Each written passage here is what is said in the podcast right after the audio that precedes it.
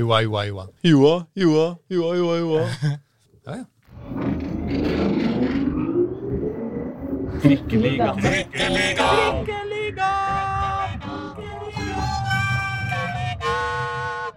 Mine damer og herrer og andre som måtte høre på, du hører på Trikkeligaen, Dagsavisens fenomenalt gode, kunnskapsrike og alltid oppdaterte podkast om Oslo-fotball, som har fått ny sponsor, og det er tannkremmerket Col... Nei, jeg bare tuller. Eh, Jeg bare følte meg litt sånn på Jeg følte meg litt sånn slesk. Ikke slask. Et øyeblikk. Nei, det er det. Jeg er ansatt som slask. Jeg heter Aslak Borgersrud. Sammen med meg har jeg Håkon Thon. Hei, hei. Og jeg har Pål Karstensen. Hey. Og jeg har Reidar Solli. Nei, det er ikke lov å Nei, bu, bue. kan ikke bue. Vi, er sånn, eh, vi har sånn samme regler her som eh, foreldre i eh, Bare er så barnefotballen drittlei han Reidar Solli. Det er bare lov å Hver si sånn. eneste gang jeg kommer på kontoret, så er han her. Sitter han der. Skriver og jobber. Det blir snart, snart slutt på det. da.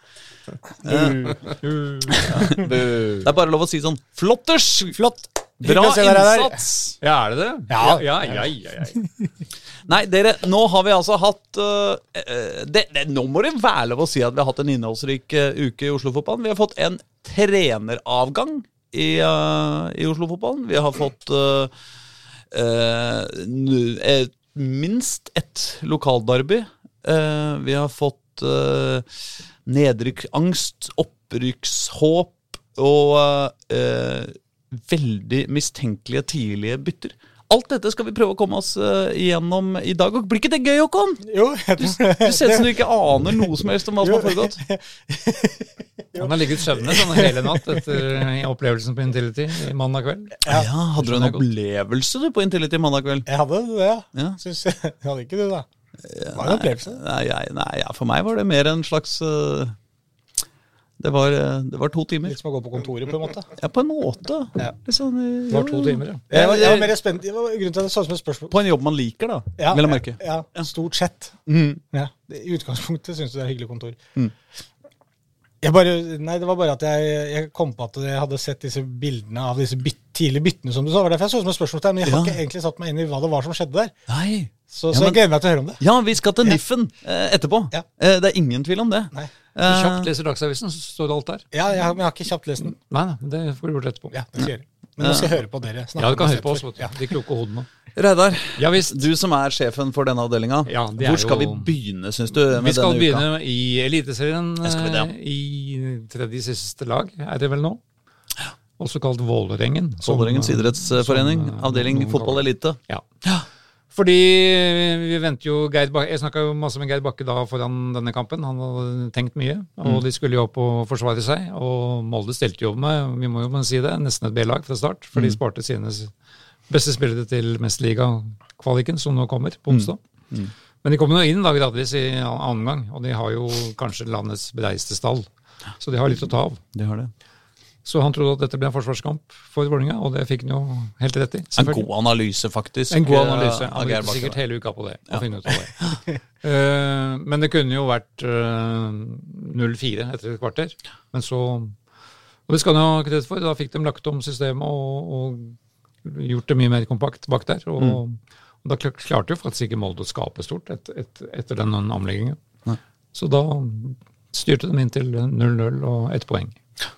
Og det var jeg da, da fornøyd med. Jeg fikk sånn flashback eh, til eh, Bodø i cupen i eh, f fjor. Eller var Ja. det forfjor? Det var, eh, Det var vel i fjor. her om året, i hvert fall. Hvor Vålerenga hadde spilt sånn eh, mislykka festfotball i en halv sesong. ikke sant? Man eh, eh, ikke sant? skal eie ballen, man sender alle i angrep, alt er party. Man skal helst score ikke sant? med fantastisk, utrolig imponerende prestasjoner. og ikke sant? Hvordan det gjøres, er like viktig. Og så møter de Bodø i cupen, Bodø-Glimt, og så bare legger de seg sånn fullstendig parkerer bussen. Og så og så holder jo bare det i 85 minutter, da, fordi til slutt så scorer jo Glimt, og så blir det tap, og så ryker de ut av cupen. Men det var noe med de der 85 minuttene før da hvor det viste seg at hæ, det går faktisk an å, å få til noe ved å bare innse at man er så dårlig som man er. Ja, det er Eh, og det ble starten på liksom oppturen for, eh, for Vålerenga sist. Og, eh, og, og som den evige optimist jeg er, kanskje det er nå eh, Det er det, nå. skal begynne for, eh, for Vålerengas uh, eliteserielag i år også. Når man, ja, men, når man virkelig innser at hei, folkens, vi er ræva. Vi kan ikke operere med å flotte oss og eie ballen og drible hele motstanderlaget. Vi er faktisk nødt til å først og fremst stå imot eh, de andre, og så se om vi greier å få putta på et mål eh, iblant. Og på denne måten så greier vi kanskje jevnt og trutt å skaffe oss nok poeng til å redde plassen i Eliteserien.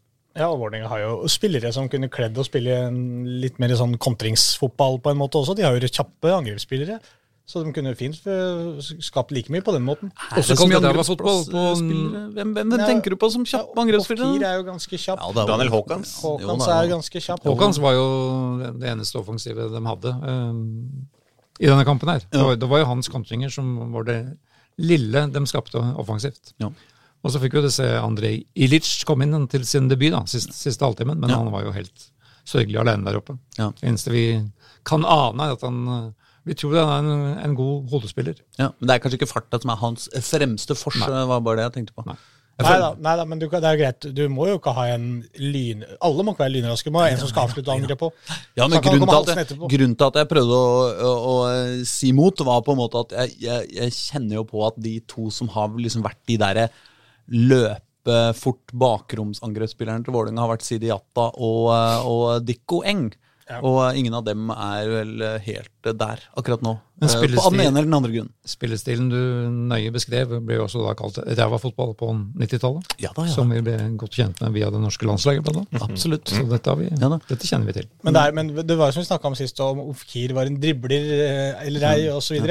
Men hvis han, får, altså hvis han får plass og kan, altså kan utfordre i fart, på en måte, da, løpe forbi folk, Ja, ja, det er han god på. ja, ja. Og det er jo kanskje Haakons bedre på enn en på en måte å skulle stå stille og drible. Men han kom til to avslutninger off- off-keer i Mm. denne kampen. Han kunne skyte fra litt utafor 16-meteren. Den ene gikk vel ut i, ut i fjorden der. Mm. Eh, hva heter den fjorden oppi der? Sånt husker ikke jeg, men det ligger jo i havgapet, denne banen. Ja. Og den andre gikk vel motsatt vei. Altså hadde han hadde tenkt å skyte. Så han lykkes ikke med så mye, kan man si. En gang jeg var på hotell i Molde, Ja. var på det der seilet der i jålehotellet Ja. til eh, han der Røkke. Ja. Så eh, der har man ganske fine vinduer da, ut Ja. mot denne fjorden som vi ikke husker hva heter. Og da var det altså to spekkhoggere som leika uti der. Ja. Så kanskje de Hva var det de lekte? Nei, de lekte sisten, ja. Ja, ok. Og hoppe, hoppesisten. Ja. Uh, men kanskje de fikk en langpasning da, fra Det kan hende. ja. Vålerengas forsvar. Nei, ja, fra Ofkir. ja. Ja. Men eh, Eh. du spurte jo etter at Vålerenga slo Strømsgods, og som dette var starten på oppturen, og så spilte de mye uavgjort mot Haugesund hjemme. Ja, da var jeg like, like overbevist om starten på Ja, men nå har de jo tre matcher på rad uten tap. Ja. Det teller. Ja, absolutt.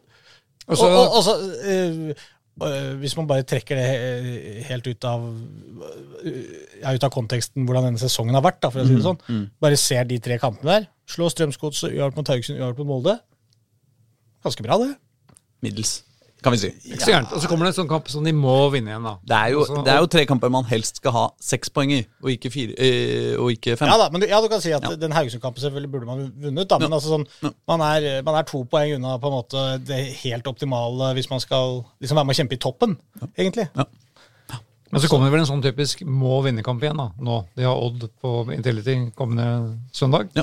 Odd tapte vel 3-0 i helga, Ja, hjemme. mot Sarpsborg. Og så er det en Viking borte, som ikke blir eh, veldig enkelt. Nei, det blir jo ikke det. Og så er det vel en, da en, en Så er det lang, Ålesund hjemme. lang eh, Ja, det er en landslagspause. Og den, så den Ålesund-kampen er jo lenge til. Får god tid til å sikte seg på den. Ellers så syns jeg det var artig at eh, vi snakka jo om eh, etter eh, Haugesund-kampen, Pål. Eh, om eh, det når eh, Haugesund lå så lavt, om det var på en måte et kampbilde som passa Elias Hagen dårlig. Og de kommentatorene etter den Molde-kampen uh, snakka jo etter den kampen om at et kampbilde hvor Vålerenga lå så lavt, uh, passa Elias Hagen veldig dårlig. Um, jeg, Alt passer Elias Hagen plutselig veldig dårlig. ja, det var det jeg var nervøs for her. Hvilke, hvilke kampbilder er det vi Altså, Han er jo den, en supersignering, ikke sant? Men hvilke kampbilder skal vi ha for at Men altså, det åpenbart beste kampbildet for Elias Hagen ja. er jo det kampbildet du fikk mot Strømsgodset. Mm. Når du får et lag som angriper på Vålerenga, slik at det blir rom eh, for Vålerenga å spille i. Men ikke for godt. Ikke så godt som Molde gjorde, Nei, men passe godt. det er fordi, ja eh, hvis, hvis motstanderlaget ikke er for god et å som jo da Strømsgodset ikke var eh, Hvis du bare kjenner masse folk opp uten mål og mening, Ja, og det er et kampbilde som passer bra for Og problemet til, uh, til Vålerenga mot Molde var jo litt at de eh, altså Det er jo samme om Elias Hagen kler at han kan slå baller gjennom et lag som presser høyt, når, du- når du aldri får tak i ballen, på en måte. da. Nei, ja, ja, ja, jeg du er jo ikke aleine utpå der, så, så han trenger jo Ja, den kampen med Molde ble veldig baktung, og da er det ikke så lett å få til noe, for han har ikke så mange å spille på. Der oppe Nei, altså, han fikk vel, Det var vel to ganger han fikk spilt opp Daniel Håkans, da, som satt fart fremover. Og, og det var det de, det var det de prøvde på. Men jeg ser jo for meg at Elias Hagen er jo en spiller som sant, Han var god på, uh, i, i Grorud, han var god i Glimt. Litt på samme måten i begge klubbene, hvor, han, hvor, hvor var laget han spiller på, som kontrollerer ballen mye av tida, og hvor han kan finne liksom, stikkere og sette opp noen kombinasjoner og sånn, løse opp litt da, i, i det der offensive, etablerte angrepsspillet. Så det er klart, han er jo absolutt kapabel til å slå gode baller eh, framover i banen, og Vålerenga ligger dypt også. Men det er ikke der jeg tror han trives best med å skulle løpe etter og jage og krige til seg ballen, for så å liksom prøve å finne én kjapp pasning igjennom. Han er kapabel til det, men jeg tror ikke det han trives best med. Nei, altså Jeg er bare nervøs for at uh, Elias Hagen er en verdens beste fotballspiller eh, på bortebane eh, i eh, mildt duskevær eh, før klokka fire på en fredag, hvis motstanderen har mørkeblå drakter og, Og det er hybridgress. og, og, og det er skuddår. Ja. Ja, ja, ja. Ja. Nei, jeg bare tuller! Ja. Jeg skal slutte å Ja, eller snakke. du tuller jo ikke. Du er, du er jo oppriktig lurer. Nei, jeg, på en måte. Jeg, jeg altså- bare synes det var noe der. Stilte jo, da, som vi antyda i forrige uke, med Henrik Børdal som spiss. Og bare det signalet sier vel litt om at her er det ikke, er det ikke angrepsfotball som er fokus nummer én. Nei. Nei. Men det er deilig. Uh... Men jeg tror han slipper det flere ganger. For nå kom jo Tor- Torgeir Børven inn, og Ilic kom inn, og det er nok tanken å bruke en av dem. Og så er det litt spenning rundt Stefan Strandberg, som igjen måtte ut. halvtime med før slutt, med, med ja, kraftig hodepine etter den smellen med Berisha. Som de, det er to karer som ikke gir seg Mm. i dueller. Og det gikk hardt utover Stefan Strandberg. Så det blir noen, ja, vi får se. Han har en uke på seg, da, så vi regner med at han blir klar. Altså Vålerengas eh, forsvarsrekke eh, og eh, den, hva som er den beste oppstillinga der, det kan vi komme litt tilbake til seinere når vi skal snakke om Vålerenga 2 sin kamp mot Lyn i, i går kveld, kanskje. Det kan være. Ja. Men det betyr at Vålerenga rykker ikke helt poeng, nei, en hel plass opp da, etter søndagens kamper. Det er sant, fordi Stabæk eh, ta- tapte og havna bak dem. mm, Så nå er Stabæk på direkte nedrykk. Mm. Mm. Vålerenga er på trygg grunn, kan vi si. Nesten. Nei, altså kvalik. Kvalifisering. Ja, ja. Er ikke det trygg grunn? Møte Koffa. Ja. Det gleder vi oss til. Det gleder vi oss til, fordi uh, Overgang? Overgang? Overgang. Da kan vi bevege oss ned til Obos-ligaen, hvor Koffa spilte kamp på lørdag. ja. I Trondheim. Mot Ranheim. Ikke all verden. Kamp som Pål Karstensen, vår venn, så i Take it away, Karstensen. Det var eh, det som var Det var en veldig spesiell eh, kamp. Eh, Koffa var kjempegod form, Ranheim ikke spesielt god form. Men det var jo en kamp som ble avgjort av ganske dårlig forspill. Av overraskende gavmildt Koffa-lag. Eh, det var jo veldig mye altså Ranheim-keeper Niklas Frendrup som slo lange baller i, i bakrom, som skapte veldig store problemer for, for Koffa. Og, altså, de to første baklengsmålene kom på den måten. At de bare slo baller i bakrom som de ikke greide å eh, forsvare seg mot. Det første var vel en, eh, en touch videre, så var det vel Jonas Hjort som snubla. Slik at han Sivert Solli kom helt alene med keeper etter tre minutter og satte inn et mål. Det samme var det jo litt seinere i omgangen med kaptein Erik Tønne, som jo også fikk en kjempemulighet eh, alene med Lobbe over keeper Emil Ødegaard, som jo kom på halvdistanse, også etter et eh, utspark fra Niklas Frendrup. Og nå slipper de inn de to målene, og eh, etter pause så tok de jo eh, å si saken i egne hender, eh, Koffa, med en keepertabbe først av, eh, av Emil Ødegaard på en corner. Og så satte de ballen i eget nett to minutter etter det. Og da ligger du under plutselig 4-0. Oh, Og alle målene er liksom eh, egne feil, på en måte.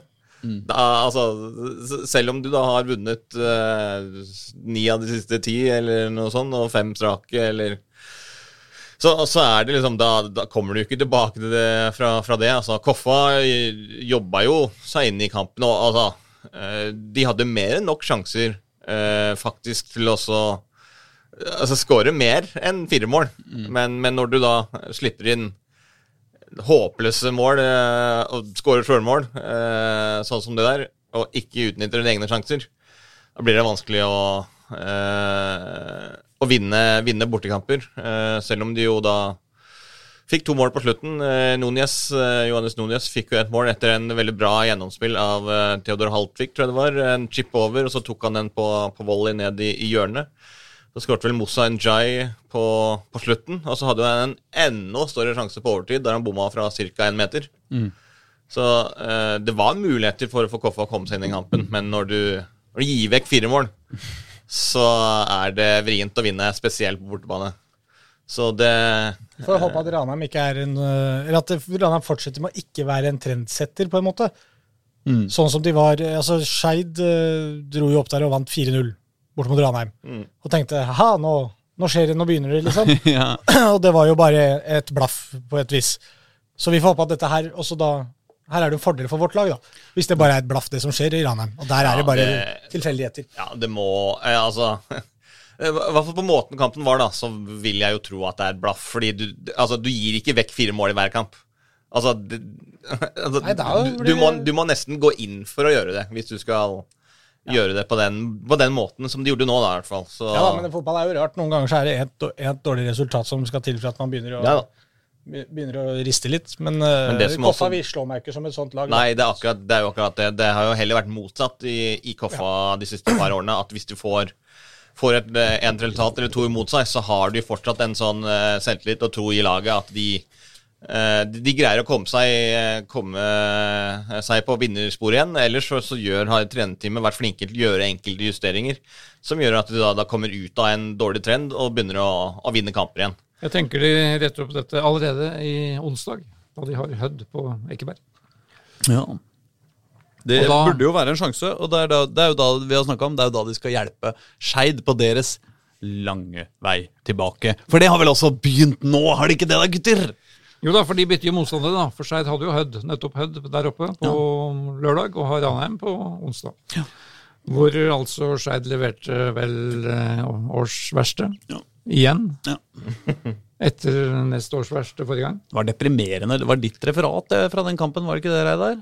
Eller hvem var det som skrev det? Jeg husker Jo, ikke. Jeg synes jeg- jo da, det Ja, var- ja, det var i hvert fall sånn jeg leste den, så bare jeg, jeg, Altså, skuldra synker jo, synker jo for hvert sekund. øh, øh, Nei, det var liksom, uh, som flere påpekte, da David Hickson skjøt fra 35 meter, vel, sånn 20 minutter før slutt, for at de skulle få en avslutning på mål i denne kampen. For det hadde de jo ikke Nei. før det. Mot det dårligste laget i ligaen. Mot det nest ja. dårligste laget i, ja. i ligaen, ja, som kjørte kampen fra start. Uh, Skeid valgte jo da selvfølgelig å spille seg ut bakfra fra første sekund, og det førte til Valtap umiddelbart. Og, og kjemperedning fra Nilsen etter ett et minutt. Mm. Og så kommer dette lange innkastet, som alle, alle som har studert Hødd, veit jo alt om. I, både hvordan det kommer, og hvordan det lander. Og det, det er liksom det som er altså, vi- når, når, når du er Skeid i den situasjonen som du er i, det er jo en ekstremt avgjørende kamp. Eh, Det er jo en, altså, Hvis det er noen som er sekspoengerskamper, så er det en sånn som kamp som det er. Og da, altså, eh, at, at de leverer den prestasjonen som de gjør i hele kampen med en så viktig kamp, er jo eh, altså, ikke, altså det, det er ikke bra nok. Men, men spesielt det første målet der. Du kan ikke slippe inn mål på en eh, Altså, det, det, alle veit det kommer. Det, kommer det, er, bare- et vanlig kast inn i feltet, og så er det en stuss, og så går den over keeper. Mm. Du kan ikke slippe inn et sånt mål etter tre minutter i liksom den viktigste kampen for sesongen. Altså, det er eh, Det er liksom så utrolig dårlig, liksom. Altså, det er bare innstilling, alt mulig rart. Når du kommer inn i en sånn kamp og starter på den måten, det er, det er noe alvorlig feil med Altså med, med, med mentaliteten i gruppa og innstillingen og, og si, måten du har kommet inn til kamp på. Så da ble det møtevirksomhet på søndag. Ja. Hjem fra Hødvold? Det var vanskelig å lese den saken din uten å tenke det ganske fort at nå Vi, vi pleier ikke å være en sånn podkast som sparker trenere. I, Nei da, det er ikke vår jobb. i uh, tid og utide. Nei. Men det er vanskelig å lese den uten å tenke nå, Gard. Ja. Nå begynner det kanskje å Nå må det skje noe Ja. rundt laget. Ja. begynte jeg å skrive på eh, mandag morgen, men det var ikke noe vits i å fortsette med. For det skjedde jo noe da i løpet av mandagen. Ja. Men det starta jo på søndag med diverse møtevirksomhet, og da skjønte jo, ettersom jeg skjønner, var Gard som eh, skjønte at dette går ikke. Her må det endringer til. Mm. Og så skal, jeg nå, eh, skal vi jo snakke med Erna Ernansen eh, Ja. snart. Ja, vi, ja, vi, Ja. du skal snakke med han Eller vi, du har Hvordan kan man si det? Eh, eh, vi skal få høre Arne Erlandsen. Ja. Ja. For det, jo, det var jo litt overraskende for mange at, at det ble Arne Erlandsen Ja. som overtok umiddelbart. Han dukka jo opp på Nordåsen mandag allerede. ja. Um, Ja, han, er jo en fyr, han er jo en fyr som jeg ser for meg, som, som Pål er inne på. Når det, hvis det er mentaliteten mye av dette går på Han, han er jo en mann jeg i hvert fall ser på som kan få stramma opp det. da, altså sånn Få spillere til å våkne, våkne litt. Han kan jo tordne, tordne noe, han eh, Arne Erlandsen, kan jeg se for meg. at eh, det skal i hvert fall ikke stå på innsatsen til Skeid. Jeg tror det er det eneste han kommer til å gå inn her og, og faktisk gjøre noe med. Og kanskje noe av dette selvfølgelig fotballfaglige med å spille seg ut, som du har, har snakka om de siste rundene også, Reidar. At man skal gjøre det litt enklere, tipper jeg. Og, og at det, det, det er bare rett og slett beinhardt arbeid som, som kreves. Og det, skal, det kommer til å bli stygt oppe på Nordre Åsen, men det er kanskje det eneste utveien Det kommer til å ut av bli miserabelheten. Ja, det kommer Kommer til å bli ræva fotball, er det Det prøver å si. og det kommer til å trøkkes til. For det, det, er det, han, det er de krava han kommer til å sette til Skeid. Det er jeg i hvert fall eh, ganske det sikker er på. jeg helt enig i. Det er jo morsomt, fotball, ass. det er jo morsomt for oss som har vært med en stund. Som jeg, jeg husker han som spiller. Han spilte jo i Frigg på 70-tallet. Du husker faren hans som spiller? Ja. Men det var jo en av de, de første sakene jeg husker eh, kom på bordet her, etter at, etter at det hadde begynt. For Arne Arnansen ble, da den dyreste spilleren i, mellom to norske klubber. Da Lillestrøm selvfølgelig henta han i Ivar Hoff-gjengen henta han i 1979. Fra Frigg for 70 000 kroner. Og det var da revolusjonen i norsk, Kjøpelag. norsk fotball. Kjøpelaget. Mm. Kjøpelaget slo igjen. Ja, men det men var en jo ofte sånn med Lillestrøm i, i gamle dager. Det var Lillestrøm som, Det var uh, som starta det. start, ja, det, Vi Ja. snakka jo om det med han eh, Rune Hansen. Rune Hansen Dette har vi, også. vært- dette ja. har vi vært behørig gjennom. ja da. Nei, altså, Han fikk jo en svær spillerkarriere, 22 landskamper. Mm. Veldig bra midtbanespiller. Um, både overblikk og, og, og teknikk. Så har han jo vært trener i en haug med lag siden, men aldri i Oslo. Så det er litt hyggelig, da. At vi kan ønske han velkommen hit. Endelig. Kommer fra Kvikk Halden, har ikke helt oversikt over hva han har fått til der. Så var han i Finland før det. Ja. Men han var jo, en, var jo i, i norsk toppfotball til og med i 2018, da, hvor han hadde Lillestrøm. Og er jo, har jo et, stort navn på Åråsen. Men eh, hva, hva, altså greier eh, vi, vi skal snart høre Arne, Er- Erlandsen eh, snakke, altså. Men, men har vi, har vi trua? Altså, Håkon, til de kjedsommelige har vi jo sagt, har vi påpekt at du har tippa eh, Skeid over Koffa på slutten av tabellen. Det, det er jo fortsatt mulig. Det er mulig. Ja. Ja jeg har fått Da får du trua. Det var trenerskiftet som skulle til for å få redda eh, Ja, som, som jeg sa her i stad, altså, nå, nå er jo oppgaven veldig enkel. Begge veier. Jeg tror Erlandsen kommer til å gi Skeid-spillerne en enkel eh, oppgave på hvordan de skal løse ting ut på banen. Og styret i Skeid har gitt eh, Arne Erlandsen en veldig enkel oppgave på papiret. Ja. Det handler om å redde plassen, og jeg tror Arne Erlandsen er en mann som, som har det i seg. Eller det har han for så vidt bevist at han har i seg også. Eh, så jeg, jeg, jeg, det, altså, jeg syns det her var et klokt valg av Gard Holme. Det er jo trist, selvfølgelig. Vi er jo glad i Gard eh, i denne podden her. Ja, Han har vært en, uh, har vært en strålende trener. Han har gjort mye bra for seg. Han har jo tatt dem opp i, i første divisjon. og- Spesielt måten han Altså den måten han har drevet profesjonalisert klubben på også. Med, med alle de tingene som han har gjort utenfor. Altså med liksom den standarden for trening, omlegging av treningssystemet. Fått inn litt, eh, litt krefter som da han har kjent i sin tidligere trenerkarriere. Eh, profesjonalisert litt hverdagen da, eh, på Nordre Åsen. Der, Der har de gjort det bra. Fått det opp igjen. De har spilt mye bra, bra kamper. Ja, jeg kan Eh, skjønne liksom hvorfor de har holdt på det. Eh, Folk er jo alltid sånn at ja, men er det for seint, eller er det ikke for seint? Eh, Det er jo ikke for seint å redde den plassen for Skeid. Langt derifra. Eh, Så vil jo tida vise hvem som hadde rett her, da. Men på en måte Ja. Jeg, jeg tror at Eller sånn, Gard Holme har jo skjønt selv at noe må skje. Og så tror jeg mange har også forstår at, at det Gard Holme holdt på med, var ganske nært ved å lykkes denne sesongen her. Han hadde en, eh, en veldig rar fjorårssesong. Dårlig vår og en kjempegod høst. Skulle bygge videre på det. Og man, vi har liksom sittet og venta på når Hvorfor klarer vi ikke å komme i gang med det samme spillet som de avslutta forrige sesong med, med nesten det samme, med nesten det samme laget. Og jeg tror det er derfor de har liksom holdt litt på det. fordi man ser jo på en måte ok, Hvis Skeid lykkes med dette her, da, hvis de, det der frispillinga med alt disse Det er ikke så langt unna lykkes, men de liksom gang på gang eh, bommer på det isteden, og de blir straffa for det. Og de tviholder på det. Og det blir egentlig bare verre og verre. Altså, nå har de kjørt seg fast, og nå har de mista helt trua på mm. de, den måten de skal spille fotball på under Guide og Holme. Og det er vel derfor Guide sikkert selv også tenker at jeg har prøvd mitt på en måte nå, å vri på de knappene jeg kan gjøre innafor sånn jeg ønsker å spille fotball. Og det skjer på en måte ingenting. Og som Pål er inne på, mentaliteten også i laget trenger kanskje en annen stemme inn der. Og hvis dette er Gard Holme helt og holdent sin egne, egen idé å trekke seg, så er det veldig storsinna. Og ikke det at jeg, noe, eh, at jeg tror at Gard Holme kan finne på å gjøre det. For han vil at Skeid skal holde seg 100 men, øh, men, det har nok også blitt lagt liksom, noe press på det også, vil jeg jo anta. At man har snakka sammen, og ok, kanskje jeg skal At han var først ute og sa da kanskje jeg bare liker å trekke meg, da. Mm. Istedenfor at vi på en måte skal prøve å ja, tviholde på, på, dette her. Men, ja, det er alltid litt definasjonsgreie ja, om, ja. man spiller, om man trener for sparken eller om man trekker seg. Det er ikke så viktig egentlig heller. Nei. Eh, men det, det, det, jeg leser ut av når det står at han gir seg, er i hvert fall at han har vært enig i avgjørelsen, på en måte. da. Ja. At han, han, har ikke satt seg på bakbeina og sagt at dette her, nei, dette skal jeg klare å snu. Han har skjønt at det er nok lurt å få inn en annen stemme i den garderoben nå. Ja, for de har jo... Fordi det, det er liksom, eh, som du sier, at det er jo ikke, altså det er jo seks poeng å oppnå til eh, trygg grunn med en kamp mer spilt. Eh, og selv om avstanden i poeng ikke eh, er så lang, siden det er en del kamper igjen å spille, så har du litt sånn tenkt i de siste kampene at hvilke lag skal Skeid slå?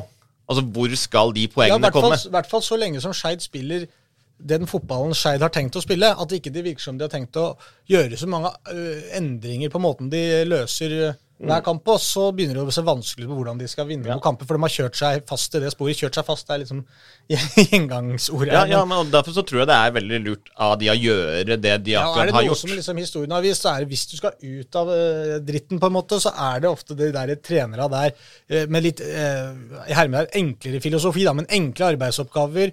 Uh, små justeringer, få opp intensiteten og gløden i spillerne. Det er det eneste det handler om. Hvis Arne klarer det, klarer det noe han selvfølgelig er kapabel til, for det, det er litt sånn typen han er, så kan det gå for seint. For de har et spillemateriell som er godt nok til å holde seg i første divisjon. Ja. Første divisjon. Ja. ja, så kunne man jo tenkt at de kunne altså De har jo Johan Jønnes Nilsen, som har vært A-trener i Grorud. Og de har, For ikke å snakke om Morten Berre. De har Morten Berre som uh, assistenttrener, så de har jo andre stemmer også. Men, uh, men jeg tror det er riktig å, å, å, velge noe helt nytt. Ja. Mm. Så, fordi utvilsomt har Jønnes Nilsen og Berre også snakket i den skjærgarderoben. Men nå, nå, trenger de noe helt nytt, og det er et uh, sjansespill, selvfølgelig. Og det er jo bare avtale med Arne Erlandsen ut året. Det er en rein redningsaksjon som skal iverksettes fra og med onsdag. Da møter da Kåre Ingebrigtsen i første kamp. Ja. ja, men eh, vet du hva, da foreslår jeg at vi skrur på, skrur på teipen din med Arne Erlandsen. Ja, så får vi høre, høre fra, fra hans munn direkte. Arne Erlandsen, velkommen til Nordre Åsen. Vi så ikke helt for seg at eh, du skulle bli trenerskeid i løpet av 2023. Hvordan skjedde dette her? Nei, det var ikke noe, var ikke noe mer enn at uh, Skeid tok kontakt med min daværende arbeidsgiver, Kvikkhallen, ja. etter en kamp. Så det var uh, så, Og da går det jo fort, som det ofte gjør i fotballbransjen. Og du har Er det to treninger du rekker foran Ranheim-matchen onsdag? Ja, jeg var her i går. Kjørte tilbake til Halden for å hente det lille som, som var der, på kontor osv. Og, så og så var det tilbake til Lillestrøm, hvor jeg da bor. Og så var det trening da i, i går, og så blir det en trening i dag. Hva kan man gjøre med et lag på så kort tid? Nei, det er eh, generelt, som jeg også sa til spillergruppa første gangen jeg traff dem, var at eh, det er spillerne som er viktig. Altså Fundamentet for alt, det er den spillergruppa som er her. og vi kan være med å påvirke og trykke på noen knapper og gjøre alt vi kan, jeg og resten av støtteapparatet, men, men igjen, det er spillerne som er viktige. Det du har sett av Skeid, hvor er det skoen trykker? Nei, Det er altfor tidlig å si. Jeg har sett mye på video for to dager siden. Ja. Um, etter vår egen kamp. Og, og, og, Og da så jeg veldig mye. I dag så kan du jo få fram alt med, med, på PC og video. Det er vel ikke video det heter lenger heller. Eh, Du har jo masse dataprogrammer. Og, så det er, det er ikke noen hemmeligheter sånn, sånn lenger. Men eh, det er klart eh, Det har jo vært sånn over en, en viss periode nå, så det er jo viktig å begynne å vinne kamper. Og det er jo viktig å, å få, få fram det beste i hver eneste spiller og få det satt dette i en, en struktur og en ramme som gjør at spillere tør å vise seg fram. Og, og gjennom det at de lykkes, så får du også selvtillit. Så det er, det er, ikke, det er ikke noe hemmeligheter i fotball. Du får selvtillit gjennom gode opplevelser, og hvis du har mange dårlige, så, så er det vanskelig å, å bygge opp et lag. og det vil være seg Skeid eller alle andre lag, så det er ikke noe annerledes her enn alle andre steder. Det er nok poeng igjen å spille om.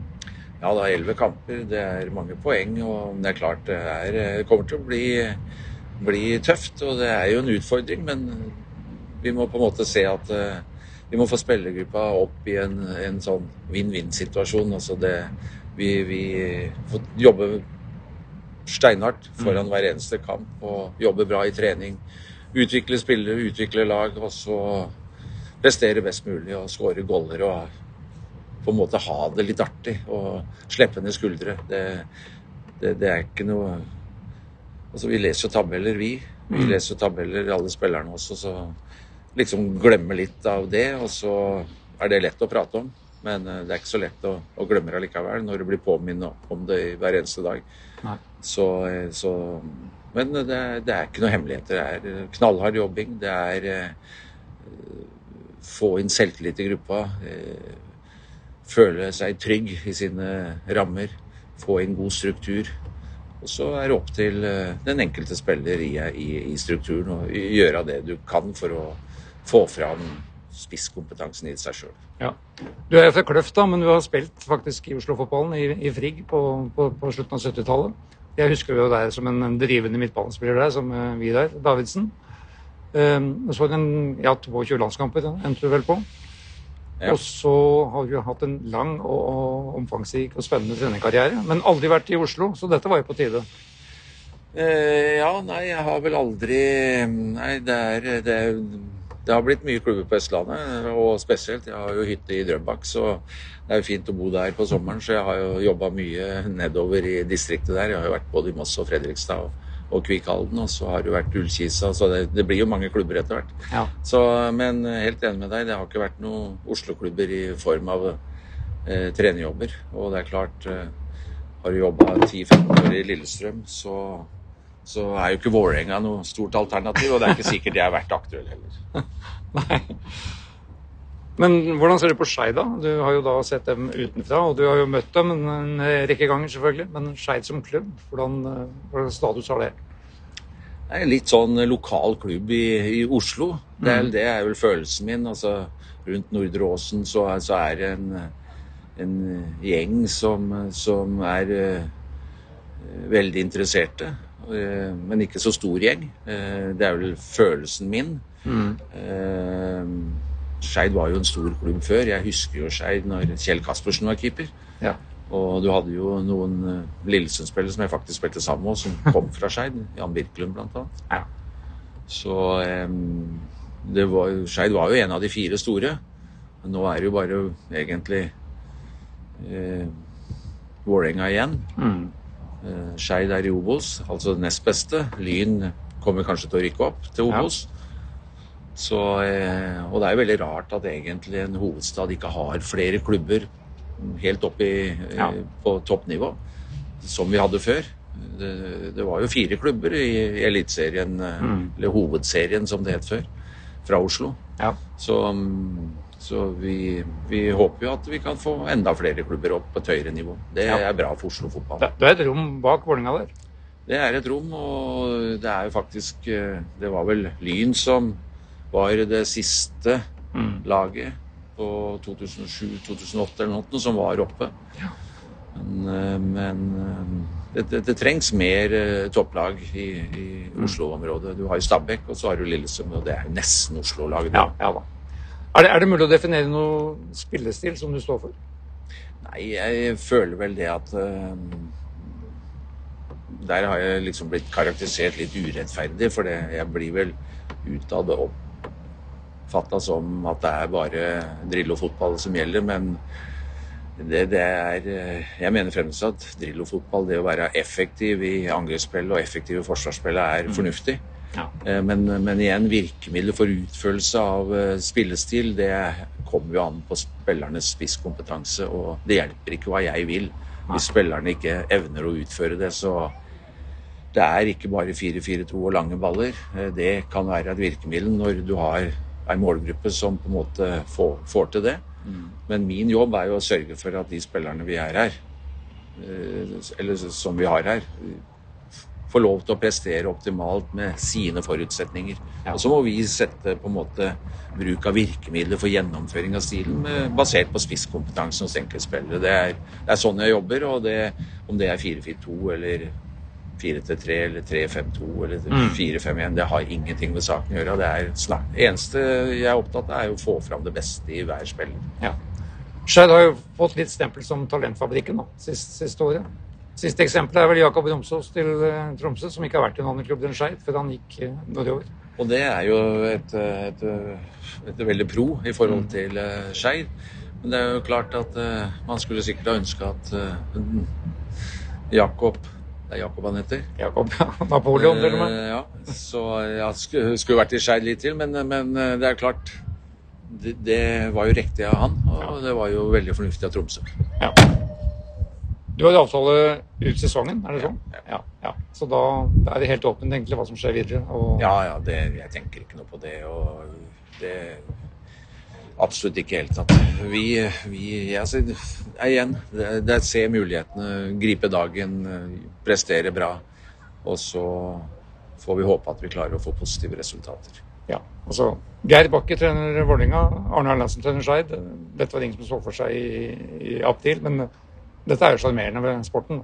Ja, altså jeg liker å jobbe på feltet. Jeg liker å jobbe med folk. Det er Jeg, jeg liker folk. Mm. Jeg liker å se spillere som er ambisiøse, som legger ned mye i treninga for å bli bedre spillere.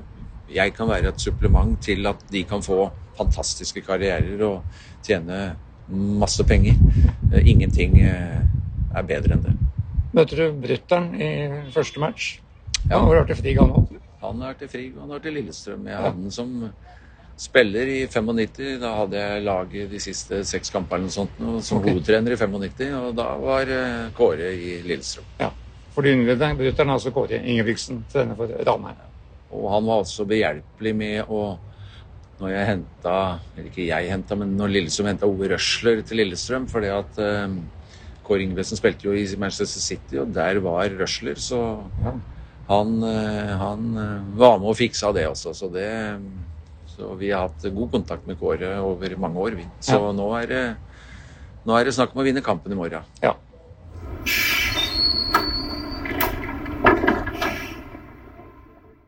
Da kan vi bevege oss eh, ned til- andredivisjon, andre divisjon.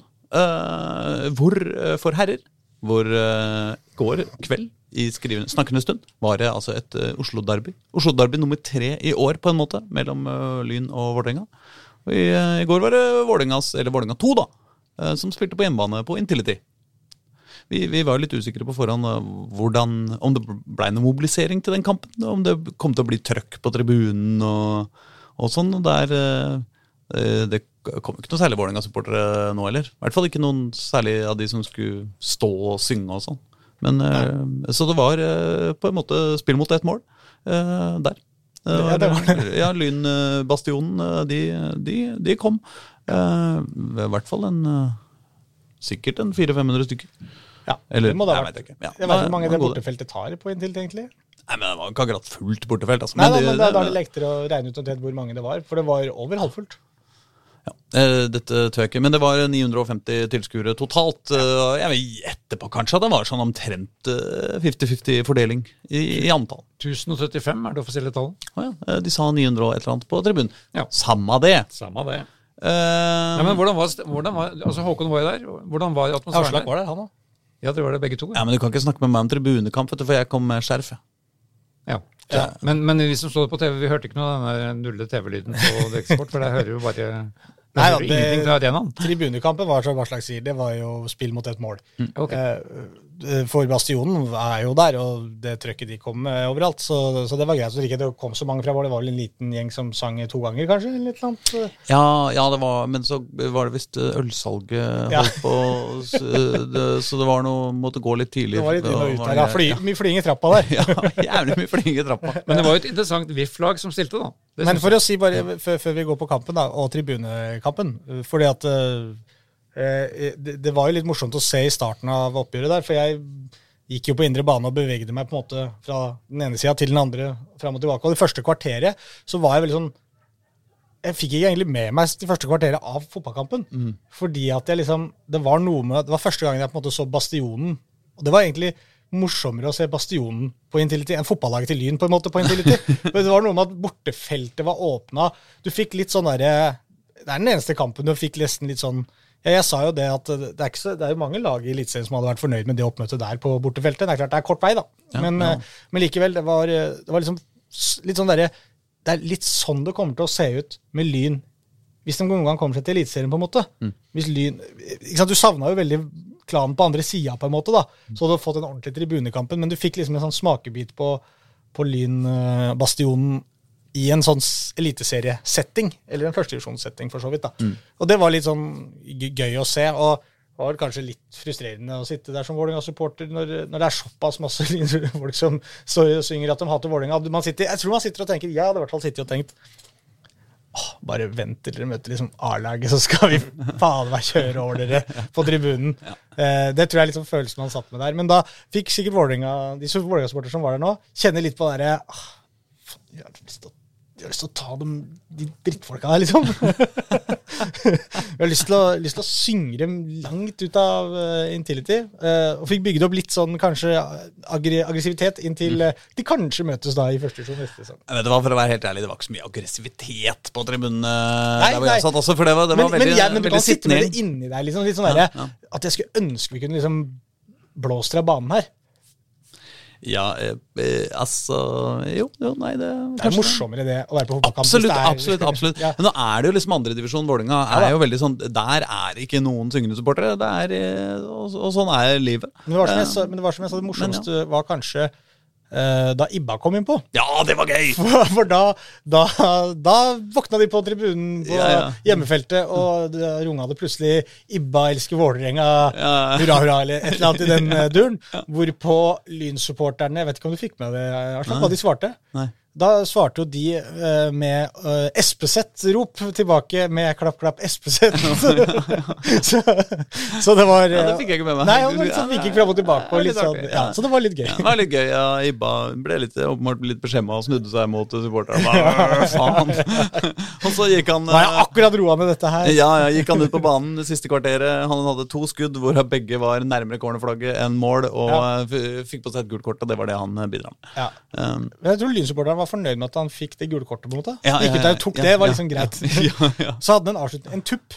En avslutningstupp. Det liker jeg. Spiser som tupper. Altfor lite tupping. Ja. Men la oss snakke om laget. Fordi Ja, det det, var er jo- jo det var interessant. Ja, det var interessant. Nå ble det jo veldig sånn eh, mye snakk om at Vålerenga toppa laget. Uh, uh, og på en måte gjorde vi det sammenligna med, med, en del andre, andre kamper. Men, eh, det vil si, de gjorde det i forsvarsfemmeren. Eller forsvarstreeren, eller hva faen du skal si. Eh, fordi eh, vi stilte jo altså med en midtstoppertrio med Aron Kiel Olsen, Martin Kreuzrigler og, og Alexander Hammer Kjeldsen. Og nå som Stefan Strandberg er ute med, med uh, hueskade, så er jo ikke det nødvendigvis så langt unna den beste stoppertrioen Vålerenga kan mestre. Eller stille. Kan, mm? Mønstre. kan mønstre. Mønstre, mestre. Ja. Eh, og så var det altså både Borchgrevink og, eh, og Vegard Hedenstad på bekkene, eh, som jo også er eh, aggressivt. Bortsett fra det så var det jo et rent andredivisjonslag framover på banen. Er Dikko, Dikko Eng, da. Ja, Dikko Eng også. Han har ikke Nei, i det blir en stund siden men han har spilte Han spilte jo ganske mye eliteseriefotball i fjor. Uh, Ja. så det, men, men altså uh, De spilte jo med ganske mye av det samme laget bort mot Vard Haugesund forrige gang. Mm. Så det, I hvert fall i bakre rekker så er det liksom ikke sånn at eh, Eh, og det er jo åpenbart liksom noe som de da kanskje vil eh, fortsette med for å skape seg nok poeng. Fordi det er jo det vi har sett av Vålerenga 2 tidligere i år, at eh, de har jo spilt med fryktelig tynt mannskap bak der. Spesielt på bortebane, når de har mønstra veldig mange 15-16-17-åringer i bakre rekker mot de beste lagene i den divisjonen og sluppet inn 7-8-9-10 mål. Så, så er det liksom for oss å, for oss å skape i hvert fall en defensiv balanse da, og ikke slippe inn så mange mål, så, så har de da valgt å, å forsterke der bakover kraftig. Og da når du ikke har uh, satt på nødvendigvis de vasseste offensive spillerne, så er det jo sånn at de beste defensive de er jo kapable til å skåre mål, de også. I hvert fall på hjørnespark. Ja, ja, ja. Ja, så, og så har jo både Borchgrevink og Hedenstad, som er viktige offensive spillere, da, med, med sine innlegg og, og dødballer. Og det, ja, jeg, jeg fikk inntrykk av at dette her kom, Vålerenga kan jo kjøre over dette Lynlaget her Ja. etter det første kvarteret. Ja, for det så litt var, sånn eh, ut. Og, og når, Vål- når, når Lyn på en måte ser den oppstillinga til Vålerenga, da, så tenker de ok, dette er, solid, dette er et solid Vålerenga 2-lag vi møter nå. Eh, og så slipper de inn på et eh, hjørnespark. Det var åtte minutter eller noe. Det var ikke spilt ti engang, tror jeg. Du har spilt ti minutter. Og ti akkurat. Ja. Eh, og da, når du kommer under da, og du tenker at ok, nå har vi to mål. Vi skal score mot egentlig et mer eller mindre et eliteserieforsvar. I hvert fall et, mm. et, et veldig godt førstedivisjonsforsvar. Da er det kanskje ikke så rart at de ble så stressa som de ble, fordi Lynspillerne ble utrolig stressa i den første omgangen. De, de fant aldri noe ro over i det hele tatt. I hvert fall ikke de første 20-25 minuttene der. Så var det kaving og masing og litt lange baller og litt korte baller. Vålerenga var oppi dem overalt. altså. De, Ja, for du fikk den første skåringen med corneren fra Hedenstad fra høyre, og så fikk du ny corner fra Hedenstad fra venstre, som han eh, Chris Høgler nesten satte i mål. Ja. Um, og da- var det jo kaos bak der. ja, vi har med Kjeldsen som skåra på hvis vi ikke vi sa Ja. det. Ja. Og det var, for, var det Jan Halvor sa til meg etter kampen, som jeg sendte til deg. Det var første på halvannet år. Først, første målet de slapp inn på corner på Ja. halvannet år. Ifølge Jan Halvor, da. Ja. kunne fort ha blitt blitt har ikke dobbeltsjekka dette. Det har vi ikke dobbeltsjekka. Det bør vi kanskje gjøre. Men, Nei, men, men men, men, at Wien er gode på defensive dødballer, er jo eh, sikkert, da. Og, og når de på en måte får den og Ja, jeg, jeg tror Lynspillerne på ordentlig var stressa. Det fikk jeg litt inntrykk av at Elvevold, da jeg snakka med han etter kampen, også sa at øh, jo, det, liksom, man, begynte, man begynte å bli Vi var veldig stressa i den første omgangen. Og det var det de prata litt om i pausen òg. At de måtte stresse ned, eh, ta det med ro. Så har de gjort det så mange ganger eh, og snudd kamper og kommet tilbake, skåra seine mål, at de, de har jo den trua på at det, det kan skje. Eh, også mot uh, Vålerenga 2. Da er det jo det mest perfekte oppsettet, da, for de går jo til pause med, med 1-0 her, Vålerenga 2. Men når Lyn skårer da ja, før det, var, det var før det var spilt ti minutter Det var før det var spilt ti minutter av annen omgang. Så skåra Ole Breistøl 1-1, og da på en måte får Lyn den roa som gjør at ok, nå er det ett mål igjen. Eh, det, det har vi i oss. Men så gikk det jo lang tid, da. Men det- jeg, jeg- satt med følelsen i pausa ja, at uh, dette trodde jeg at Lyn kom til å vinne. Eh, og det var jo mest egentlig fordi at uh, ja, Vålerenga hadde et dødballmål, og det, og det kunne det jo på en måte fort blitt flere av også, men, men det, det Altså, For meg framstår I pausa framstår Vålerenga som veldig trygge bakover, men, men veldig surrete framover, syns jeg Vålerenga var også. Altså, det, var, det er jo veldig mye spillere som har sånn ekstremt toppnivå, og så ganske lavt båndnivå. Og det er egentlig alle de de, eh, de beste Eller på, på, ikke sant eh, Stian uh, Torbjørnsen, liksom supertalent. Han er vel uh, knapt 16 år fortsatt, holdt jeg på å si. Gjør utrolig fine ting med ballen, men, men også liksom mister den iblant. Uh, Vitinho uh, eh, ikke syns jeg tidvis var liksom en av banens aller beste utpå der, men også gjør mye valg. Og Dikko uh, har et par veldig fine raid, men er også veldig, veldig langt unna der han Han hadde jo noen helt eh, vanvittige sjanser da, som han bomma på. Ja. normalt skulle skåret på. Ja, ja. Og Vålerenga skapte jo flest sjanser i denne kampen der. Ja, ja, denne omgangen.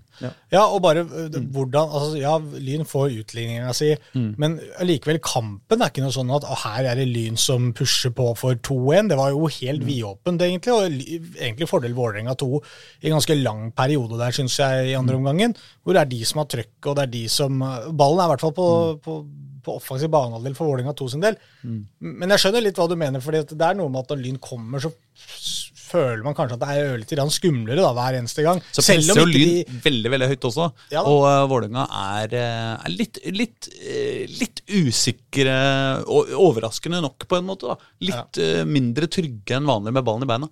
Uh, Sjøeng sliter ordentlig med å få, uh, med å få satt i gang spillet bak på banen. De greier liksom ikke å komme Og en gang jeg holdt på å gå skikkelig gærent. Og Ja, ja, ja. bak der også. Men det var vel, uttrykk det var eh, altså. Ja. VIF-trener eh, Øystein Sanden han, han stilte vel spørsmål til deg vel. Skapte Lyn noe mer enn de to måla de skåra på? Altså Jeg svarte vel ikke på det, men, Nei, det er øh, det er men, ikke- men de skaper jo ikke så veldig mye, nei. De hadde, de hadde noen skudd som gikk over. Ja. Det var vel det. Ja. Uh, ja. Og, og, og sånn, Men de to måla er jo kjempefine, da. Ja da. Og det er jo t veldig typiske Lyn-skåringer, begge to. ja, altså, så- ja, De var veldig like også, var det ikke Ja. det?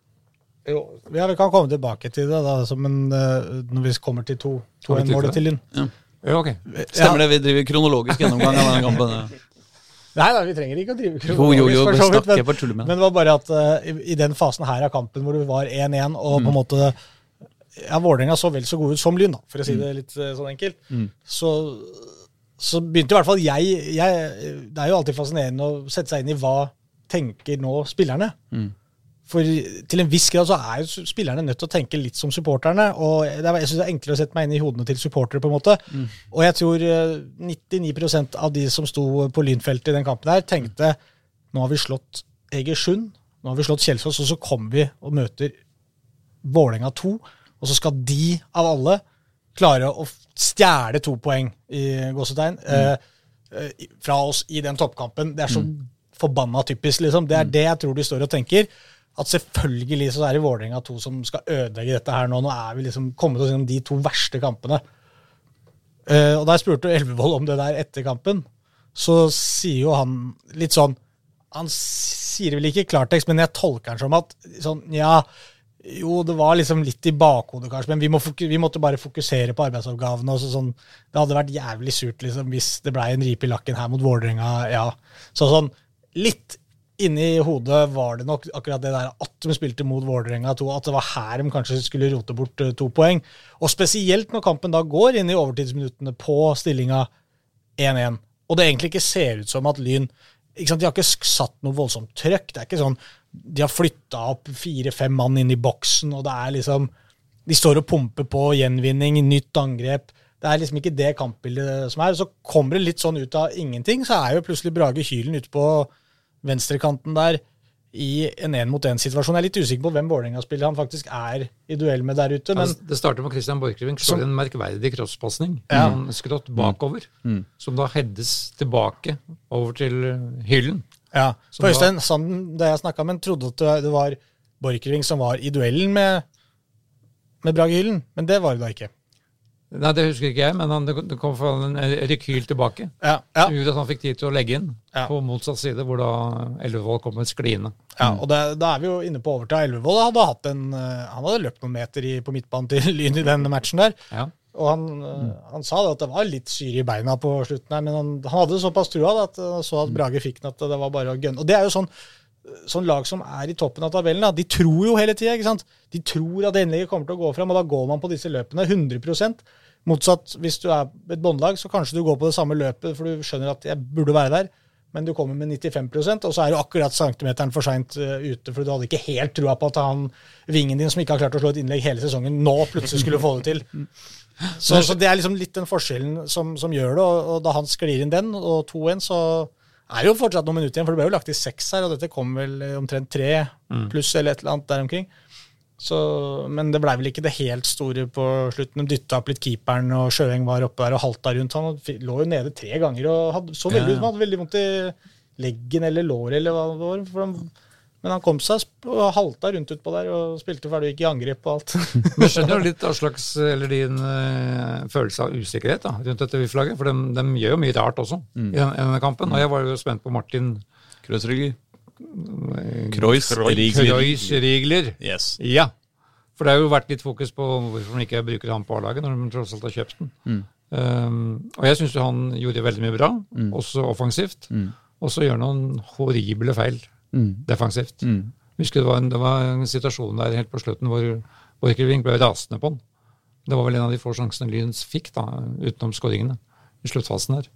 Hvor han, eh, han hadde en katastrofal feilpasning helt til Ja, ja, ja. bakerste. Det var litt sånn mot, Han spilte jo mot, mot Varde Haugesund bort der også. Ja, ja. Og der òg han tapte overraskende mange fysiske dueller. Ja. Altså overraskende mange altså, dueller med altså, kroppskontakt eller eh, hodedueller eller Det var jo han som glapp markeringen når Vard Haugesund skårte målet sitt på corner. Så det var liksom i den kampen, og så tenkte jeg liksom eh, Er det her bra nok for Eliteserien, liksom? Uh, og for, nettopp fordi det liksom Uh, er det så mye bedre enn det de allerede har. Uh, fordi uh, Vålerenga har jo spilt stort sett med, med da én stopper, altså når Stefan Strandberg har vært skadefri. Og du har en 17-åring pluss Fredrik Oldrup Jensen, som jo da er midt, midtbane. Og det er liksom, Hvorfor har de da ikke satt inn han? Men så er det kanskje litt det, da. Den der usikkerheten, at det plutselig så kan det komme et eller annet. Og hvis det gjør det i Eliteserien, så blir du veldig hardt straffa. Men jeg må si at uh, jeg mener Martin Kreuzrigger var uh, banens beste spiller i går. Uh, jeg mener at han var, han var sjefen i Forsvaret. Han kontrollerte alt. Han var først på huet i alle altså Sikkert på at 70% av alle innlegga i, som Lyn hadde, havna på huet til, til Martin. Jeg syns han var kontant og klar, og også satte i gang veldig mye bra angrep. Men så er det jo da dette, da. At han, han gjør også noen feil som, som blir synlige, og som, og som er uh, seriøse. Men, men, men jeg mener fortsatt at han var banens beste spiller. Altså, Jeg syns han var veldig, veldig god. Og, og, og, og fram til eh, helt mot slutten av kampen så var det sånn soleklart hvorfor i huleste eh, Altså, Så framsto han som på en måte den beste stopperen eh, Vålerenga har. Ja, jeg, jeg, jeg, og jeg så bare den altså, Jeg peker bare på den ene, ene missen han gjorde, da. Men de kan jo bli ganske de, de, avgjørende. ja, ja, det er det. Det er jo Men det problemet som overraska meg mest, var jo da altså han, var, han var veldig god offensivt også. Altså Han bidro veldig mye ja, offensivt. Ja. Men Jeg snakka jo litt med Geir Bakke om dette på, før målekampen da, om hvorfor han ikke brukte den. Og det var jo da at han, som han sa, sikkert diplomatisk, han trenger litt tid på å tilpasse seg måten Vålerenga spiller på. Mm. For han spilte jo i den startelveren da som Vålerenga trente inn på, fredag, nei, på torsdag, øh, før den Molde-matchen. Ja, men det er, det, er noe, det er noe sånn litt rart der også med disse spillerne som Vålerenga henter, og som liksom blir satt på, på dette andre laget og skal spille der. sånn Vitinho også har jo vært der hele sesongen, og, og nå er Kreuzigler der. Hvis man spiller mye på det andre laget der, da, så, sant, så sitter man og ser på de, og så trenerne får med seg alt, og så ja, ok, han briljerer ikke kanskje på dette nivået her. ikke sant? Altså, man nesten, nesten spiller seg ut av laget ved å spille på andrelaget, på en måte. Altså, når de henter spillere som skal inn og spille for A-laget, så må du nesten få lov til å gå inn og spille på A-laget. For det, det er noe med skjer, hvor skjerpa du er og konsentrert du. Rett inn her. og så, ja, her, Vær så god, du skal spille en kamp i andredivisjon. Du var liksom forberedt på at jeg kom til et eliteserielag og jeg skulle spille det. Litt sånn slapp på tribunen. Ja, nå var ikke det for så vidt nå, da, men altså, det er en litt annen setting å spille en andredivisjonskamp kontra en eliteseriekamp. Men dette tror jeg også at eh, treneren i Vålerenga greier å skjønne. Ja. Ja da, men det er bare men da, Ja, vi får se, da. For det, hvis det bare blir Det er jo flere av spillerne som bare har blitt værende. Han der islandske forsvarsspilleren som spilte seg ut av laget, han Bjark Bjarni. Bjarnason. Ja, han også forsvant jo ned der. og er han Kiel Olsen nå? Ja, han Han spiller der. ikke sant? Alle disse som spiller der, og så, så sitter du og ser på kampen og tenker ja, ja, han, han holder greit andredivisjonsnivå, men det er ikke nok for å spille for Vålerenga. Du må nesten la dem slippe til på den jo, store scenen. det er jo bare, eller annet problemet er jo bare at det er, det er så mange. Du kan jo selvfølgelig si det samme om eh, Omar Bulli, og du kan si det samme om eh, Ja, da så skjønner jeg at det er andre Emilsen, og du kan Det er mange Ja, og det har vært skader, og det har vært litt har vært som gjør at det er greit at de spiller på et andre laget. Det er bare eh, ja. Jeg, jeg er jo enig. Spesielt med Aron Kiel Olsen er det jo, må det jo være ekstremt frustrerende. Du blir Ja. henta inn som den beste uh, stopperen i Obos-ligaen, Ja. og så blir du plassert ned til det, det, det tredje dårligste laget i andredivisjon. Ja. Det er jo litt pussig. Ja. Eh, selvfølgelig. Det er jo det. Men uh, vi får jo håpe at det er noen Men voksne noe som også er, det, når du på en måte da går inn og skal spille én enkeltkamp kanskje sånn i, i andredivisjon også, som Mm. f.eks. Kreuzrigler. Kanskje han får en dårlig kamp om ikke han hadde den også. Kanskje han får en, en til sånn der situasjon som nå, da. Eh, noe sånn dårlig kommunikasjon eller sant, sånn surr som gir bort noen muligheter. Og sitter man og ser ah, ja, men Mm. sånn kan man ikke gjøre i Eliteserien. Da blir du straffa knallhardt. Eh, problemet er, er jo at dette forsvaret til Vålerenga, uansett hvor bra altså Nå var det såpass mange bra der at nå var nok litt kjemien der òg. Men når det blir liksom blanda der òg, så er det ikke noe De er ikke samkjørte i det hele tatt. Og det så du ved et par anledninger her, hvor det var keeper ropte at den skulle ha ballen, den ene klarerte i han andre, og den spratt i ansiktet på en tredjemann, liksom. Det skjedde to ganger i løpet av den kampen at det var sånn helt paniske klareringer. En situasjon hvor det ikke var noe lynspill engang. Hvor, hvor de ikke klarer å liksom De har ikke den derre inni det hele tatt. Det- Og det er klart, da ser du ikke spesielt god ut og tenker han der må vi fanke meg få på A-laget, altså. Han som klarerer baller i trynet på medspiller, liksom. Ja, det er den store forskjellen på disse to lagene. Jeg går ut fra at Vålinga, jeg vet ikke om de har stilt med samme lag i noen kamper. jeg. Det, det er, vel- sannsynligheten, er, ja. vel- sannsynligheten er vel liten. Ja. Mens Lyn, da var jo Halvorsen sa til oss at han stilte med samme lag i niende kamp i rad. Og hadde jo, han hadde vurdert å gjøre noen endringer, da, for han, eh, han tenkte at det var litt slitasje etter de, når dette var kamp tre på en uke. ja, Det var vel mer for å gjøre et bytte Det var vel mer for å gjøre en endring for endringens skyld, på en ja, måte. Ja, det virker sånn. Ja. Og han er jo veldig sånn som, eh, som ikke endrer på laget hvis det ikke er noe helt nødvendig. Ja, og som vi sn- nevnte etter den Egersund-kampen, hvor de bytta én mann på tampen. Ja. Og de bytta på overtid da, satt inn ja, en nysignering, var det ikke det? Isegran kom inn på, ta, øh, på overtida, og så bytta de noe mer mot Kjelsås, kanskje, men det var ikke veldig mye der heller. Så, så han bytter jo ikke mye i det hele tatt. Men, men øh, det viser seg at det går Han løser løse det på den måten. Og spillere orker, de, og, og klarer. Og, og de holder øh, jo åpenbart lenge opp, for de avgjør jo seint, som vi Ja, var inne på. Ja, men det er akkurat det, de er veldig godt, godt trent, og det står distansen. Det er, men det er akkurat det, det er det som kjennetegner lag som i hvert fall er opprykkskandidater, og de som, som, som greier å stå det. For nå har de altså de, de gikk jo rett fra ferien, gikk jo rett inn i kanskje den viktigste uka de hadde i sesongen. Med tre kamper, både med serieleder eh, da Egersund, Kjelsås borte og Vålerenga to borte. To eh, Oslo Derbyer for, for de. da. Vanskelig bortekamp eh, på, på Kjelsås og serielederen. Og kommer ut med seier i alle kampene, med avgjøring på tampen i alle kampene. Og det, altså den derre um... Og Jan Halvor sa jo tidligere at de hadde trent ganske hardt. Mellom, Mellom disse disse kampene også? Ja. Så den, den vinnermentaliteten, den evnen til å avgjøre sånne seine kamper, den evnen til alltid ha den troa, som du sier, altså det er derfor han, han tok det løpet på slutten der og fikk inn det, den seiersmålet. Sånn, det er det som gjør at eh, Lyn kanskje er det laget som nå nesten ser ut til å være favoritter til, eh, til, til det opprykket. Så det leder vel teoretisk, da, ifølge våre, våre beregninger. Nei, nei, nei, skal vi begynne med det nå igjen? ja, det Dere- kan du ta, men, men nå, har de, altså, nå er jo da utfordringen ikke slippe seg ned, da. For nå har de altså to i gåseøyne lette hjemmekampen mot Brattvåg og Arendal i de to neste. Arendal som pussig nok tydeligvis er sprukket fullstendig. Ja, altså de har nå to strake 3-0-tap for Bunnlag. bunnlaget. Så, men det er jo da den Arendal-kampen blir jo da sannsynligvis den siste kampen til, til Ole Breistøl, for han drar til eh, København for å studere. Eh, og det er jo også sånt eh, et lag som da har start, starta ni strake da med at liksom Breistøl er den som spiller her hele tiden. Eh, så har du jo da Altså, du har kvaliteter sånn til Brage Hylen, og du, du har andre spillere. Andre uh, Bjørntvedt Olsen kan gå ut og spille på, på kanten her. eh, eh, Henrik Elvevold spilte jo mye der i fjor. Eh, så, så, så du har litt andre ting, og du har jo henta nye spillere en fra, fra Ranheim nå også, som kan Ja, brukes i Henrik Kristiansen. ja, i, i det offensive leddet. Men, men sånn, det, det blir jo litt spennende det da, etter eh, Breistøl eh, forlater klubben. Spesielt med tanke på liksom, den her, eh, at de da, nettopp da spiller med det samme laget hele tiden, for de er trygge på at liksom, den oppstillingen her, da, da, da går det bra. Ja, men nå har jo også da eh, noe av altså Brage Hylen har jo kommet innpå og vært ganske bra for Lyn. Herlig navn. Her, ja, det er det. Brage Hylen. Det er deilig navn. Det er deilig navn. Det Og er han, og han har jo kommet inn, og han har jo fått matcha seg litt mer og mer nå utover sesongen. Og det er jo sikkert litt med tanke på akkurat det, da, at han skal inn og, og spille den, en avgjørende rolle nå de siste kampene denne sesongen. Det er så trist å si siste kampene, det er jo lenge igjen. Det er lenge igjen. Ja, er lenge igjen. Men, vi, men vi peker jo også ut uh, Vålerenga 2 mot Egersund i nest siste serierunde. Ja. Der kan jo Vålerenga skyte Lyn opp i Obos-ligaen. Ja. Eller ikke. Eller ikke. Eh, det, Det, det kommer helt an på hva, hvordan Vålerenga 2 ligger an på tabellen. Må de ha en seier for bergeplassen? Kan det bli veldig bra lag? Har de bergeplassen allerede? Nemlig. Overraskende ungt lag de stiller med i den kampen. Eh, Men uh, det er jo ikke til å se bort fra at uh, eliteserielagets plassering på dette tidspunktet også kan ha en viss Ja. påvirkning påvirkning på, på laget andre lag får lov til å stille. Men dere, er det noen flere kamper i andredivisjon som har eh, vært spilt, som vi skal eh, fise gjennom? De jo både Grorud og, og Kjelsås har jo Ja. vært i aksjon.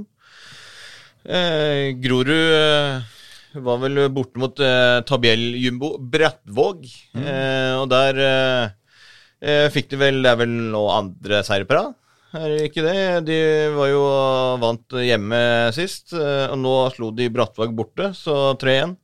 To skåringer av Nikolai Ristov eh, der, og av Fredrik Karsson Pedersen.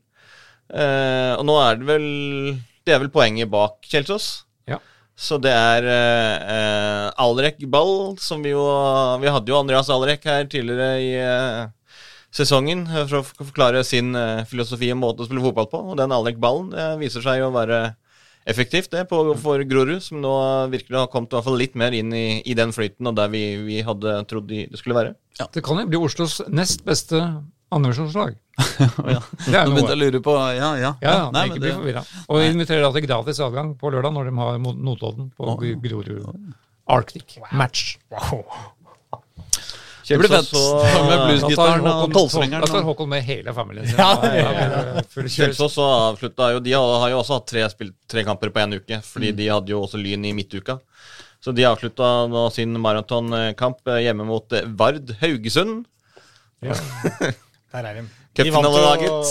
Ja, kom igjen, eh, Håkon. de spilte i cupfinalen De spilte cupfinalen, i men vant ikke. 1975, men de tapte fordi Arne skåra. Arne skåra. Det har vi lært oss nå. Dette er pensum. Hva er etternavnet igjen? Johansen? Han- Hansen. Hansen. Det er det enkleste ja, navnet i verden. Haugesund, 0-0. På den tida der så het vel alle Arne Hansen? Det var det jeg påpekte Eller unntatt de som het Arne Johansen. Eller alle lag hadde i hvert fall én Arne Hansen. Det fantes ikke kvinner engang på den tida. Nei, det det. Alle het Arne Hansen bortsett Det fra meg. fantes kvinner, men de het Arne Hansen. Ja, ja, alle het. Så da har det vel blitt eh, to uavgjort og ett tap.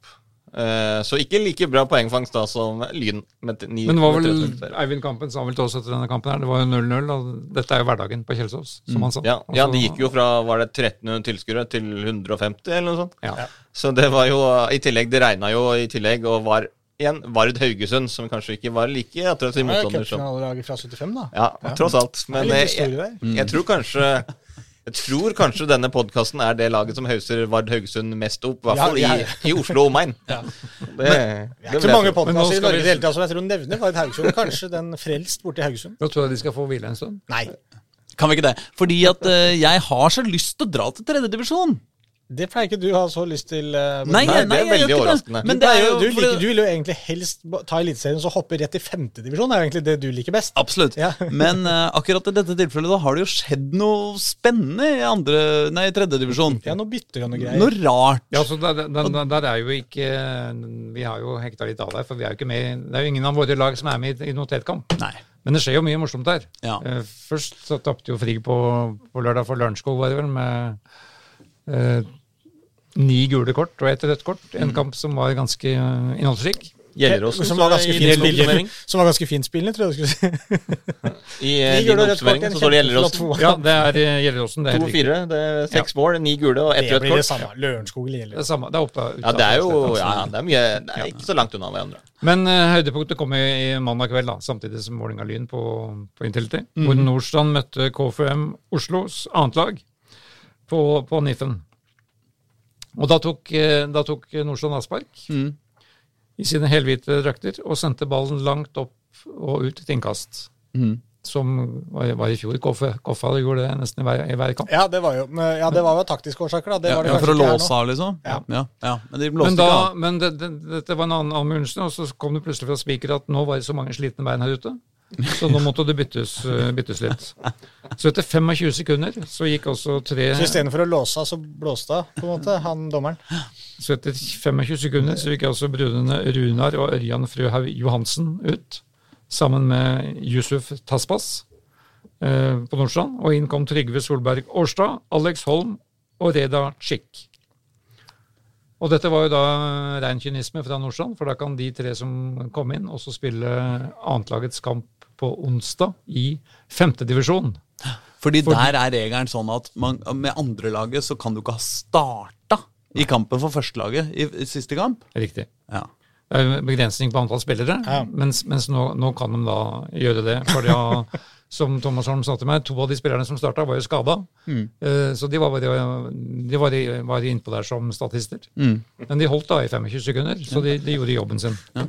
Men hva hvis da, Hva hvis KFM2 hadde vunnet myntkastet, eller hvordan de løser det der, starta med ballen og gått rett i angrep mot to skada spillere og litt av hvert på Nordstrand der? Kunne jo Altså Enda verre. Hva hvis, eh, hva hvis KFM2 hadde bare tenkt Ok, de har brukt tre av byttene sine etter 25 sekunder. Hva om vi spiller litt røft? ja, blåse opp den kampen her litt? Rann. Det er en risikabel strategi. Det er det. Men eh, spørsmålet er jo ikke egentlig om det er risikabelt. Spørsmålet er jo om det er moralsk riktig. ja. Jeg Det snakka jo- jeg jo da med Vegard Lund Næss, som er trener for dette annetlaget til Koffa. Ja.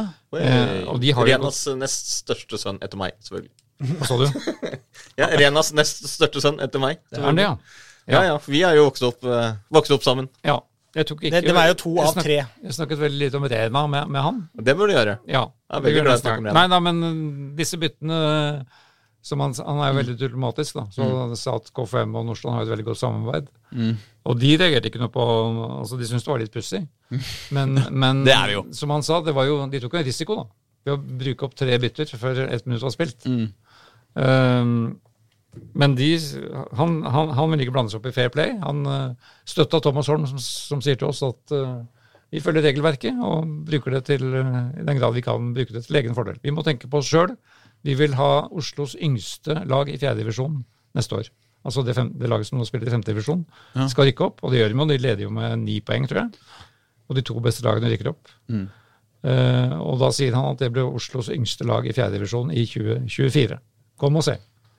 Og så vil Nordstrand seinere i dag offentliggjøre enda et spillersalg. De har jo levert spillere til eh, øverste nå i norsk fotball, og i dag kommer de til å selge, selge en spiller til Obos-ligaen. Ja. Den blir klar i ettermiddag. Men vi må ha, har ikke fått navnet. Å, vi har ikke fått navnet. Men det har sikkert kommet ut før denne podden eh, kommer ut. Ja, det kan også. Ja, så sjekk dagsavisen.no. Men, men så tok jo dette her øh, altså Dette ble jo snakkisen der oppe, selvfølgelig. Ja. Både Spikers øh, melding og, og, og det som skjedde.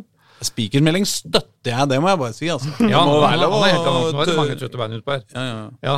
Men, så, da- men etter to, to minutter til var spilt, da, så fikk da midtstopper Edvard Vestby ballen på midtstreken og banka han rett i mål. Fordi han så kofferkeeperen sto litt langt, litt langt ute. Så da fikk de en ny snakkis oppå niffen. Så da leda, KF, da leda Nordstrand 1-0 etter tre minutter. Hvis du kom liksom fem minutter ut i kampen, som du ofte gjør kanskje litt da, hvis du er i sånn tredje Men jeg divisjon, vet ikke så har du da gått glipp av både byttebonanza pluss scoring fra midtbanen. Ja. Og da føler du da at da, da er det ikke så veldig mye mer som kommer til å skje i den kampen, egentlig.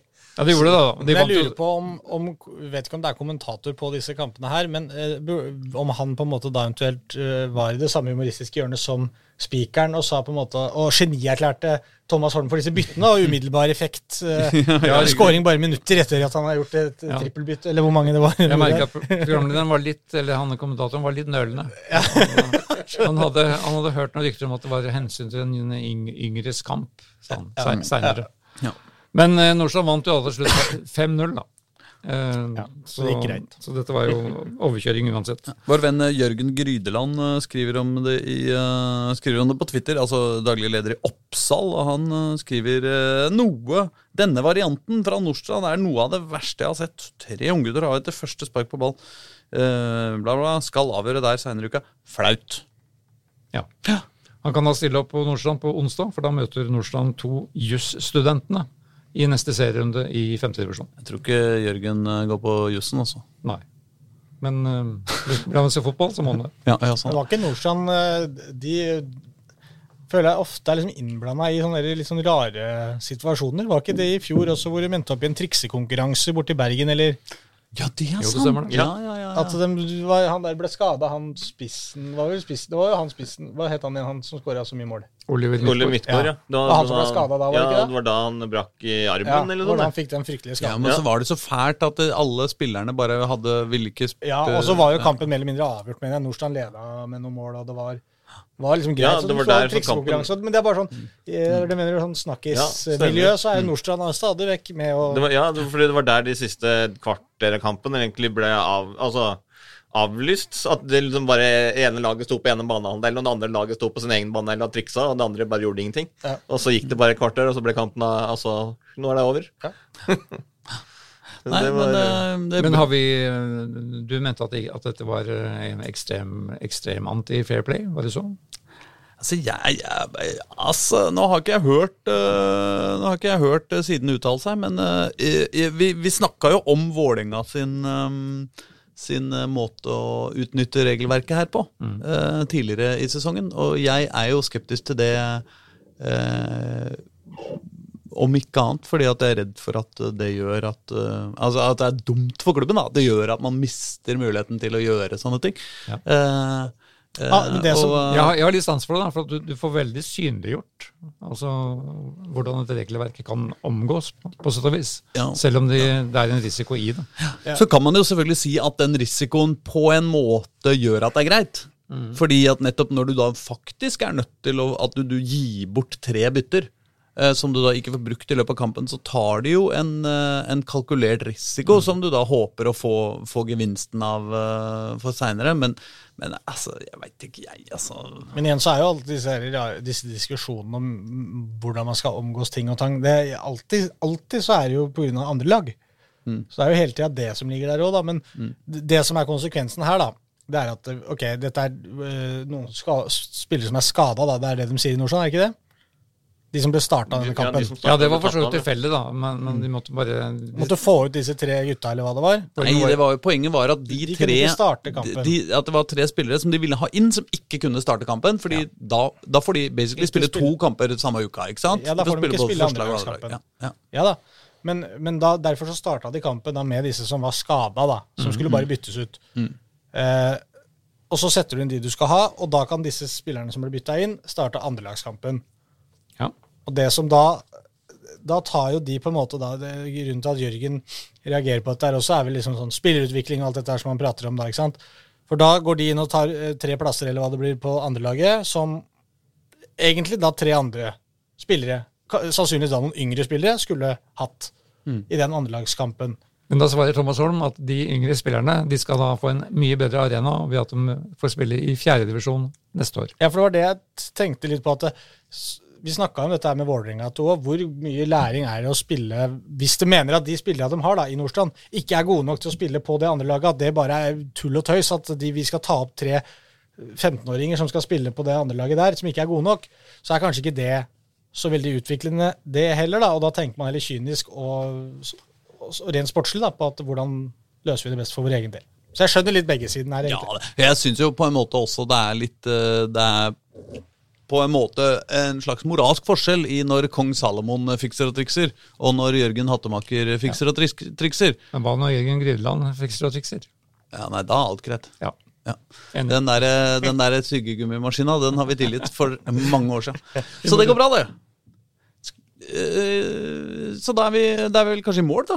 Ja, bortsett fra at vi må, vi må minne om at damene, som vi får snakka skremmende lite om i hele sommer, de ja, er endelig tilbake. Nå er hun tilbake. Thea Bjelde skal bevise at hun kan være like god på Valle som i Australia. Og det var egentlig på en måte det eneste jeg hadde å si om hva som har skjedd i damefotball hele sommeren. Toppserien Vålerenga-Åsane 16.45 på lørdag på Intility. Da er det comeback, og da går jo, da går jo Vålerenga inn i en rakett, rakettsesong, eller rakettdel av sesongen. Mm. Fordi da har jo både serie, cup og mesterligakvalik nå i løpet av få dager. Ja. I hvert fall få uker. Og Lyn skal til Bergen og møte Brann. Blir walk in the park. Noe sånt. Ja. Skal vi si det sånn, da? Ja. Da gleder vi oss. Det gjør vi. Takk og farvel. Hei. Ha det.